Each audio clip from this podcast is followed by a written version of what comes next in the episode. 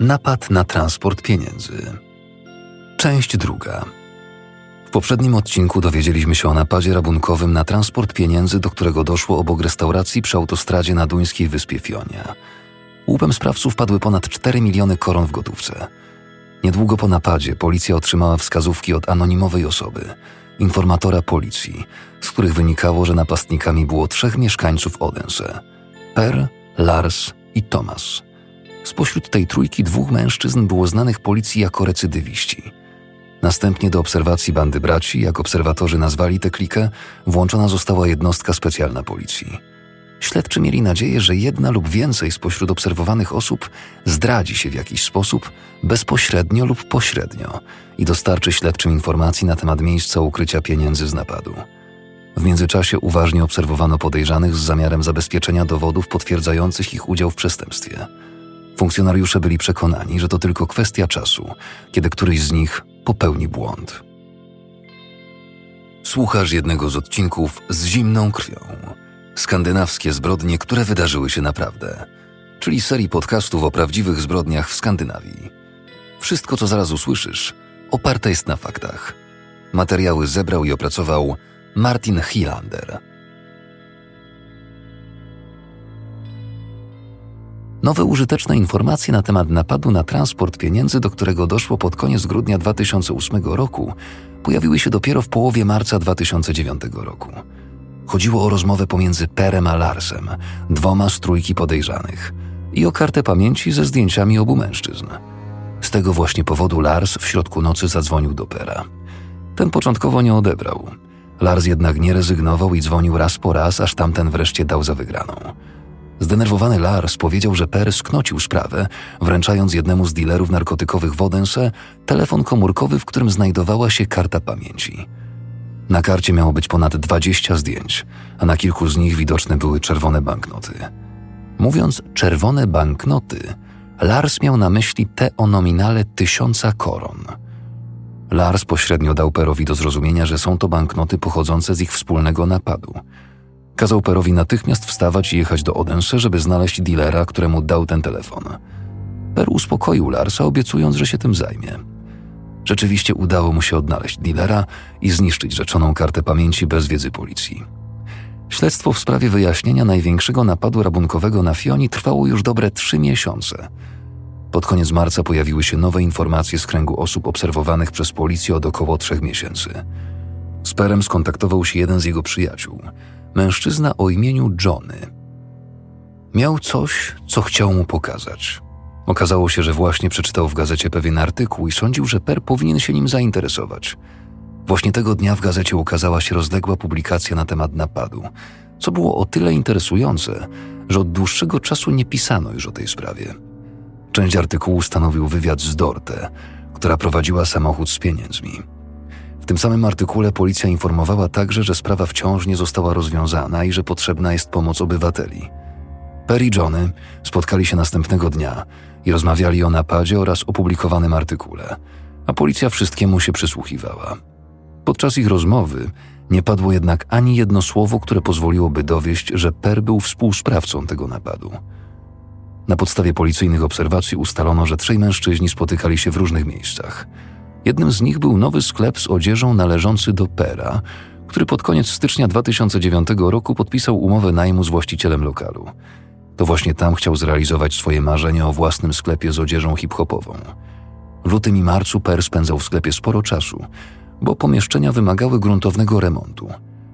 Policja zadecydowała o długotrwałej i drobiazgowej obserwacji budynku, znajdującego się zresztą w bezpośrednim sąsiedztwie Komendy Głównej Policji w Odense. Obserwacji poddano także nowe mieszkanie Larsa w centrum miasta, w którym obecnie mieszkał z nową dziewczyną. Pod koniec marca Per spotkał się z Johnem w swoim sklepie. Spędzili razem sporo czasu, rozmawiając o wszystkim i o niczym. Dla policji bardzo interesujący okazał się jeden wątek. Mężczyźni rozmawiali o napadzie, bazując przy tym na opublikowanym w gazecie artykule. Ostrożnie dobierali słowa, a z ich ust ani razu nie padło określenie napad rabunkowy. Podczas tej rozmowy Per powiedział przykładowo, że w planowaniu uczestniczyło wiele innych osób. Część z nich wycofała się jednak już na stosunkowo wczesnym etapie. W pewnym momencie Per wymienił też imię Thomas. Thomas również był podejrzany w sprawie, miał jednak alibi na czas przestępstwa. Poza tym Perry i Thomas pokłócili się pod koniec 2008 roku, wobec czego policja uznała, że obserwowanie go nie jest już potrzebne. Należało bowiem założyć, że rzeczywiście nie brał udziału w tym napadzie. Perry i Johnny rozmawiali też o kwocie od 4 do 5 milionów koron, około 3 milionów złotych. W dalszej rozmowie wspomnieli zaś kwotę 3 do 4 milionów koron. Policjanci byli niemal pewni, że mieli tutaj na myśli napad na transport pieniędzy w Kildebjerg. Podczas obserwacji policja przechwyciła informację, że w dniu spotkania Pera i Johnego Lars był jeszcze z kimś umówiony. Nieznana osoba odwiedziła go w jego mieszkaniu. Także ta rozmowa toczyła się wokół artykułu opublikowanego w regionalnej gazecie Fyns Stiftstidende. Policja uznała, że zgromadzony materiał jest wystarczający, żeby aresztować wszystkich trzech mężczyzn i ich partnerki. Aresztowanie kobiet było podyktowane uzasadnionym podejrzeniem, że one również czerpały korzyści z łupu. Osobista sytuacja finansowa każdej z nich została dokładnie sprawdzona. Uzyskane informacje potwierdzały, że zwłaszcza partnerka Pera wydała nadspodziewanie dużą ilość pieniędzy bezpośrednio po napadzie. Planowano postawienie sześciu osobom zarzutów udziału oraz współudziału w ciężkim napadzie. Oprócz przeszukania licznych pomieszczeń, policja przygotowywała się też do aresztowania podejrzanych mężczyzn i wtajemniczonych w ich działania kobiet. Jako pierwszy został aresztowany Per. Zatrzymano go razem z partnerką na lotnisku w Billund na kilka minut przed wejściem na pokład samolotu lecącego do Egiptu. Per został oficjalnie oskarżony o udział w napadzie rabunkowym. Jego partnerkę również aresztowano. Po pierwszym przesłuchaniu późnym wieczorem została jednak zwolniona. W chwili zatrzymania na lotnisku Per miał przy sobie torbę z 30 tysiącami koron, około 19 tysięcy złotych. Jak pamiętamy, Wobec Larsa toczyło się już postępowanie w sprawie o naruszenie ciała. Został zatrzymany po pobiciu kijem bilardowym jednego z gości pubu w Odense. W tej sprawie wyrok zapadł jeszcze podczas pobytu Larsa w areszcie z powodu podejrzenia o współudział w napadzie rabunkowym w Kildebjerg. Partnerka Larsa została zwolniona po przesłuchaniu, podobnie jak dziewczyna Pera. Na samym końcu zgarnięto trzeciego mężczyznę, Tomasa, którego zatrzymano razem z dziewczyną. Także i w tym przypadku po przesłuchaniu kobieta mogła wrócić do domu. Jak już wspomniano, Tomas miał alibi potwierdzające, że w momencie popełnienia przestępstwa znajdował się w zupełnie innym miejscu. Niemniej jednak on również trafił do aresztu. Nie tylko tych trzech mężczyzn zatrzymano z powodu ich domniemanego udziału w napadzie. Aresztowano też kolejne osoby i przeszukano liczne mieszkania i inne lokale. Jeśli chodzi o Pera, Policja postanowiła przeszukać zarówno jego mieszkanie w Odense, pomieszczenia jego sklepu, dom jego rodziców, jak i skrytkę w banku Sydbank w Odense. Podczas przeszukania jego sklepu ujawniono portmonetkę zawierającą 4000 koron, około 2,5 tysiąca złotych, pistolet z amunicją oraz ogromną ilość kradzionych designerskich mebli. W jego skrytce w banku Sydbank znajdowała się koperta z trzema tysiącami koron i trochę biżuterii. W związku z tą akcją skonfiskowano również 40 tysięcy koron zgromadzonych na koncie bankowym Pera. Podczas przeszukania ujawniono także różne inne interesujące przedmioty. Wśród nich innymi kalendarz dziewczyny Pera. Wynikało z niego, że w styczniu, a więc kilka tygodni po napadzie, kobieta otrzymała od niego bardzo drogie prezenty: biżuterię, torebki i zegarki. Zdaniem policji mogło to oznaczać tylko jedno. Per, podobnie jak Lars, nie mógł powstrzymać się przed wydawaniem pieniędzy bezpośrednio po napadzie. Policjanci znaleźli też kalendarz Pera, w którym odnotował, jakie prezenty sprawił swojej dziewczynie. Rzecz jasna, nie były to drobiazgi. Dla siebie też kupił kilka designerskich zegarków.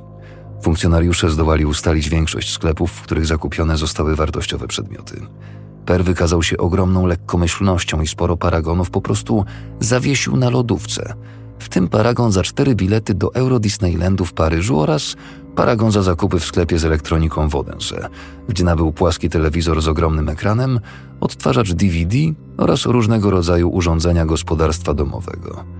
Wszystkie transakcje oczywiście dokładnie sprawdzono, a przesłuchiwana kasjerka potwierdziła, że płacąc przy kasie za zakupy, Per wyjął z koperty duży plik banknotów. Lars zachowywał się równie beztrosko co Per. W swoim mieszkaniu w Odense trzymał liczne skradzione przedmioty, w tym aparaty fotograficzne, laptopa i telefon komórkowy. Po sprawdzeniu jego komputera okazało się, że odwiedzał też strony internetowe, na których pisano o napadzie. Sprawdzono też rzecz jasna dom jego siostry na północy wyspy, ponieważ policja przypuszczała, że Lars tam właśnie ukrył pieniądze z napadu.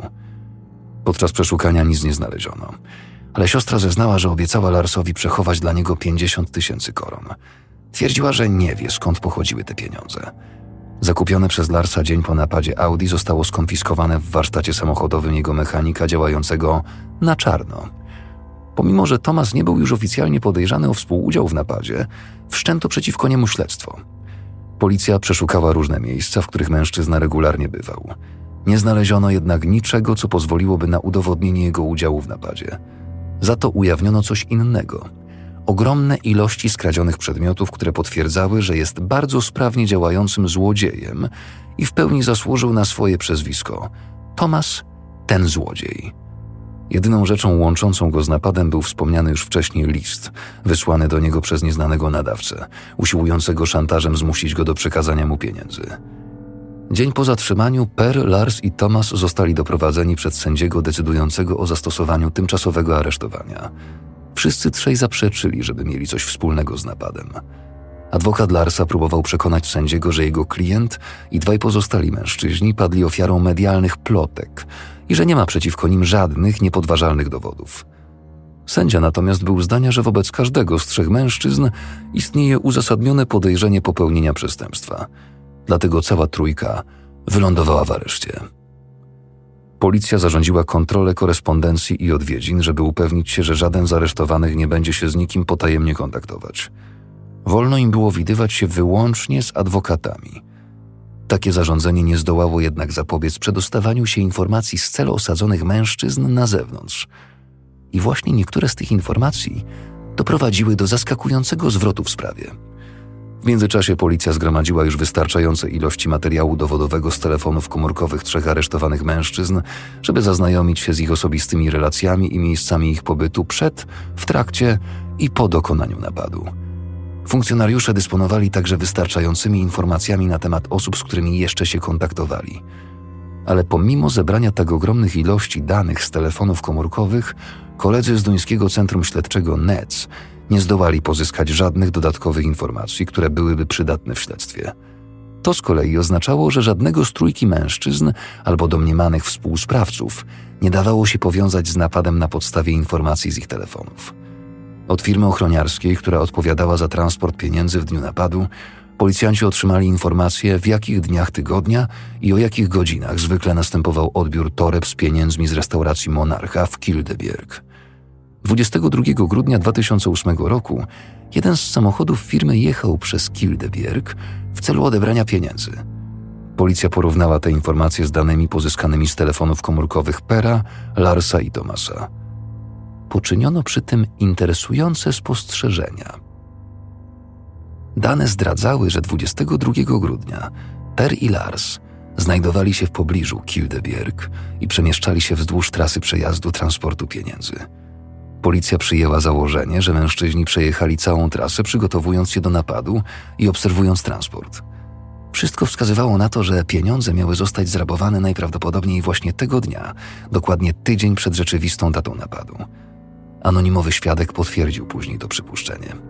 Analiza danych z telefonów komórkowych Pera i Larsa z 22 grudnia wykazała, że około południa obaj wyłączyli aparaty i włączyli je ponownie dopiero wieczorem – po dokładniejszym sprawdzeniu okazało się, że bezpośrednio po napadzie Per zakupił dla swojej dziewczyny nieprawdopodobne wprost ilości butów, ubrań, biżuterii i torebek, a nawet zafundował jej operację biustu w prywatnej klinice. Sama operacja kosztowała go 45 tysięcy koron, około 29 tysięcy złotych. Do tego dochodzą liczne wydatki poczynione przez Pera w związku z otwarciem nowego sklepu kilkaset tysięcy koron. Już podczas pierwszego przesłuchania Per próbował tłumaczyć swoją zawyżoną konsumpcję tym, że osiąga znaczne przychody i wydatki dzięki zakładom na żywo i grze w pokera online. Policja sprawdziła to i okazało się, że jego wytłumaczenia częściowo rzeczywiście były zgodne z prawdą. Przez pewien czas obstawiał w grze około 50 tysięcy koron, około 32 tysiące złotych, ale w tym samym czasie osiągnął zyski w wysokości zaledwie około 30 tysięcy koron, około 19 tysięcy złotych. Ten proceder raczej więc przynosił mu straty. Na koniec poproszono go o wyjaśnienie, skąd wzięło się 300 tysięcy koron duńskich, które nie zostały ujęte w zestawieniach jego przychodów. Przejdźmy teraz do Larsa. Policjanci dokładnie przyjrzeli się jego osobistym finansom i stwierdzili, że nie posiada on ani jednego konta w banku. Trudno sobie wyobrazić, jak w dzisiejszych czasach można poradzić sobie bez internetowego rachunku bieżącego. Być może powodem takiego stanu rzeczy był fakt, że dochód Larsa, podlegający opodatkowaniu w 2008 roku, wyniósł zaledwie 69 tysięcy koron, około 44 tysięcy złotych. Śledczy zauważyli jednak, że coś tutaj chyba się nie zgadza. Podczas dalszych obserwacji policjanci mieli okazję stwierdzić, że wśród przyjaciół i znajomych Lars uchodził za hojnego darczyńcę, który szczodrą ręką fundował im wizyty w restauracjach w mieście. Kupował też kokainę dla siebie i swoich przyjaciół. Oprócz tego rozglądał się za nowym samochodem. Kontrola sytuacji finansowej Larsa wykazała, że od dnia po napadzie do momentu aresztowania pod koniec marca 2009 roku jego wydatki wyniosły 364 tysiące koron, około 232 tysiące złotych. W tym samym czasie jego oficjalny dochód wyniósł 0 koron. Dopiero w połowie lipca 2009 roku doszło do zupełnie nowego zwrotu w sprawie. Śledczy odkryli bowiem, że Lars komunikuje się ze światem zewnętrznym, mimo iż cały czas przebywa w areszcie w Svendborg. Szybko stało się jasne, że zdołał jakoś zorganizować sobie telefon komórkowy, żeby móc dzwonić do dziewczyny i przyjaciół. Policjanci zwrócili się do sędziego śledczego przy sądzie w Odense z wnioskiem o pozwolenie na monitorowanie tego telefonu oraz o uzyskanie dostępu do wszystkich znajdujących się na nim danych. Wniosek został rozpatrzony pozytywnie i wkrótce śledczy otrzymali informacje od kolegów z Wydziału Kryminalnego. Lars skontaktował się telefonicznie z kilkoma osobami znajdującymi się na policyjnej liście sporządzonej w ramach śledztwa. Zarówno wiadomości tekstowe, jak i rozmowy dotyczyły możliwości wyjścia Larsa na wolność. Przy okazji na jaw wyszła kolejna sprawa. Lars na ogromną skalę handlował narkotykami. Ten fakt był już częściowo znany śledczym, ale dopiero teraz wyraźnie widoczna stała się skala jego narkotykowych biznesów, które wbrew wcześniejszym przypuszczeniom zdecydowanie wykraczały poza zakres przestępstw bagatelnych. Ustalono ponadto, że przy sprzedaży narkotyków Lars współpracował z Perem. Z powodu braku policyjnych zasobów funkcjonariusze postanowili na ten moment nie skupiać się na handlu narkotykami, ponieważ czynności śledcze zmierzające do wyjaśnienia napadu rabunkowego już same w sobie były bardzo czasochłonne. Tego dnia, w którym policjanci dowiedzieli się, że Lars ma w celi telefon komórkowy, podsłuchali też rozmowę z jego dziewczyną. Lars powiedział jej, że policja nie ma przeciwko niemu żadnych dowodów w związku z napadem. Od swojego adwokata wiedział ponadto, że jeśli policja nie zdoła mu nic więcej udowodnić, na pewno zostanie zwolniony. I że Per jest w dużo gorszej sytuacji. Powiedział jej też, że policja doszła do tego, iż po napadzie Per najwidoczniej wydał o wiele więcej pieniędzy niż miał do dyspozycji – Telefon Larsa nie został skonfiskowany, ponieważ czuł się on bardzo swobodnie i prowadził liczne rozmowy, a policja wszystkie odsłuchiwała. Lars dzwonił do wielu przyjaciół i rozmawiał z nimi o tym, że jego szanse byłyby o wiele mniejsze, gdyby policja dowiedziała się o jego zaangażowaniu w handel narkotykami. Wiedział, że za handel nimi grozi bardzo wysoka kara pozbawienia wolności. Dzwonił też wielokrotnie do swojej byłej dziewczyny, która niedawno urodziła ich wspólne dziecko, i dowiadywał się, co u niego słychać. Powiedział też byłej partnerce, że przez pobyt w więzieniu prawdopodobnie nie da rady przyjechać na chrzciny. Kobieta opowiedziała mu z kolei, że policja przesłuchiwała ją przez wiele godzin, zadając jej pytania także o napad. Lars zaś chciał oczywiście wiedzieć, co powiedziała podczas tego przesłuchania. Nieco później tego samego dnia była partnerka jeszcze raz do niego zadzwoniła. Osadzeni w duńskich więzieniach są zwykle surowo kontrolowani pod kątem możliwości komunikowania się ze światem zewnętrznym. W przypadku Larsa ta kontrola była najwidoczniej bardzo powierzchowna. Wyglądało na to, że on akurat mógł rozmawiać z kim chciał i kiedy chciał. Podczas tej rozmowy znów poruszyli temat napadu. Było oczywiste, że Lars doskonale wiedział, że policja dokładnie go sprawdziła. Rozmawiali m.in. o tym, że śledczy przesłuchiwali mechanika samochodowego w sprawie 40 tysięcy koron, około 25 tysięcy złotych. Lars wspomniał także, że policja podsłuchiwała jego rozmowy telefoniczne z mechanikiem – była w nich mowa o tym, że po napadzie mechanik otrzymał dużą sumę w gotówce w zamian za podrasowanie samochodu. Z tych rozmów wynikało, że Lars wielokrotnie podkreślał, iż pieniądze nie stanowią problemu. Kiedy Lars wspomniał, że dał mechanikowi 40 tysięcy koron, jego była dziewczyna zapytała, czy przepuścił już wszystkie pieniądze. W odpowiedzi Lars oświadczył, że w żadnym wypadku nie wydał wszystkiego. Najciekawsze w tych rozmowach było to, że Lars nigdy nie wspomniał o tym, że jest niewinny, jeśli chodzi o napad na transport pieniędzy. Tymczasem w rozmowach z pozostałymi osobami podkreślał to wielokrotnie. Po wysłuchaniu tych rozmów dla śledczych było jasne, że była partnerka nie powiedziała policji prawdy o tym, co wie na temat napadu. Potwierdzeniem tego silnego podejrzenia był fakt, że przez telefon powiedziała Larsowi, że żeby go kryć, musiała wymyślić mnóstwo historyjek i jest już poirytowana tym, że wciągnął ją w tę całą sytuację. Funkcjonariusze postanowili ponownie przesłuchać byłą partnerkę Larsa. Dwóch z nich udało się więc do niej z wizytą. Kobieta została poinformowana, że policja wie o jej rozmowach telefonicznych z przebywającym w więzieniu Larsem i że z tego powodu istnieje podejrzenie, że musiała wiedzieć o napadzie. Stosunkowo szybko kobieta uległa presji funkcjonariuszy. Wyznała, że Lars rzeczywiście uczestniczył w napadzie na transport z pieniędzmi w Kildebjerg i że zaplanował całą akcję razem z Perem, a obaj mężczyźni poświęcili wiele czasu na dokładne obserwowanie samochodu przewożącego pieniądze. W dniu, w którym doszło do napadu, Lars i Per pojawili się u niej ze sportową torbą pełną banknotów. Powiedział jej, że wszystko poszło zgodnie z planem i że udało im się uciec bez większych problemów. Potem zajęli się podziałem łupu. Powodem niespodziewanego wyznania byłej partnerki w obecności dwóch funkcjonariuszy było to, że wiedza o napadzie ogromnie ciążyła jej psychicznie. Nie czuła się dobrze, kłamiąc policji. Nie miała odwagi, by komukolwiek się z tego zwierzyć, ale cała sprawa męczyła ją tak bardzo, że w końcu powiedziała wszystko matce. Funkcjonariusze przesłuchali więc także i matkę. Kobieta potwierdziła, że córka powiedziała jej, że to Lars razem z kilkoma innymi osobami jest odpowiedzialny za napad na transport z pieniędzmi. Aby w obliczu zbliżającego się postępowania nadać tym zeznaniom większą wagę, wyznaczono posiedzenie w obecności sędziego śledczego Wodense, podczas którego była partnerka Larsa miała powtórzyć swoje słowa przed sędzią. Był początek sierpnia 2009 roku i śledztwo zostało oficjalnie uznane za zakończone. Policja nie zdołała dowiedzieć się, kim był trzeci z napastników.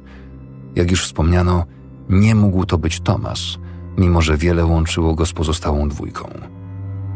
Od dnia przestępstwa do przeanalizowania wszystkich zgromadzonych materiałów pod koniec 2009 roku prokuratura potrzebowała około roku.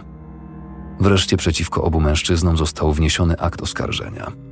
Perry Lars zostali skazani za napad, kradzież samochodu, którym uciekli z miejsca zdarzenia, a także za podpalenie go tuż obok strzelnicy. Ponadto Per został oskarżony o handel 800 gramami kokainy, którą otrzymał od Larsa, a następnie odsprzedał. Oprócz tego oskarżono go o nabycie komputera oraz mebli na drodze paserstwa. Ostatnim zarzutem wobec Pera było naruszenie przepisów ustawy o posiadaniu broni, ponieważ w swoim nowym sklepie hip-hopowym ukrywał broń. Poza napadem, Lars został również oskarżony o handel około kilogramem 800 gramami kokainy, z czego 800 gramów sprzedał Perowi. Miał też zostać pociągnięty do odpowiedzialności za liczne przypadki paserstwa. Na koniec postawiono mu również zarzut uszkodzenia ciała.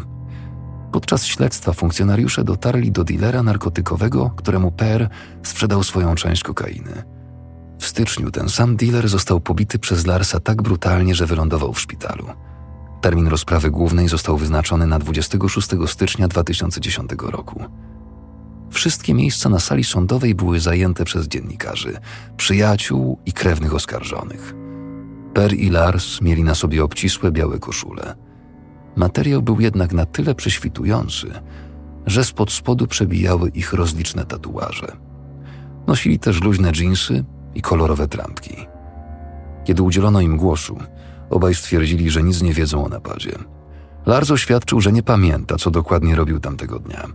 Prawdopodobnie wpadł na krótko do jednego czy drugiego miejsca, tak jak to miał w zwyczaju – Następnie oświadczył, że prawdą jest, że popełnił wiele różnych przestępstw, ale wśród nich nie było napadu. O tym nic mu nie wiadomo. Podobne oświadczenia złożył Per. Powiedział, że w chwili popełnienia przestępstwa przebywał w klubie fitness, a potem w solarium. Mówił tak. To dla mnie ogromny szok, że jestem tutaj oskarżony o napad rabunkowy. Zdecydowanie dystansuję się od zarzutu, jakobym miał dopuścić się tego rodzaju przestępstwa. Pobyt w areszcie, ciążące na mnie zarzuty i rozdzielenie mnie z rodziną wykończyły mnie psychicznie. Oprócz tego stwierdził, że liczne drogie prezenty, którymi obdarowywał swoją dziewczynę, były z jego strony rozpaczliwą próbą ratowania ich związku.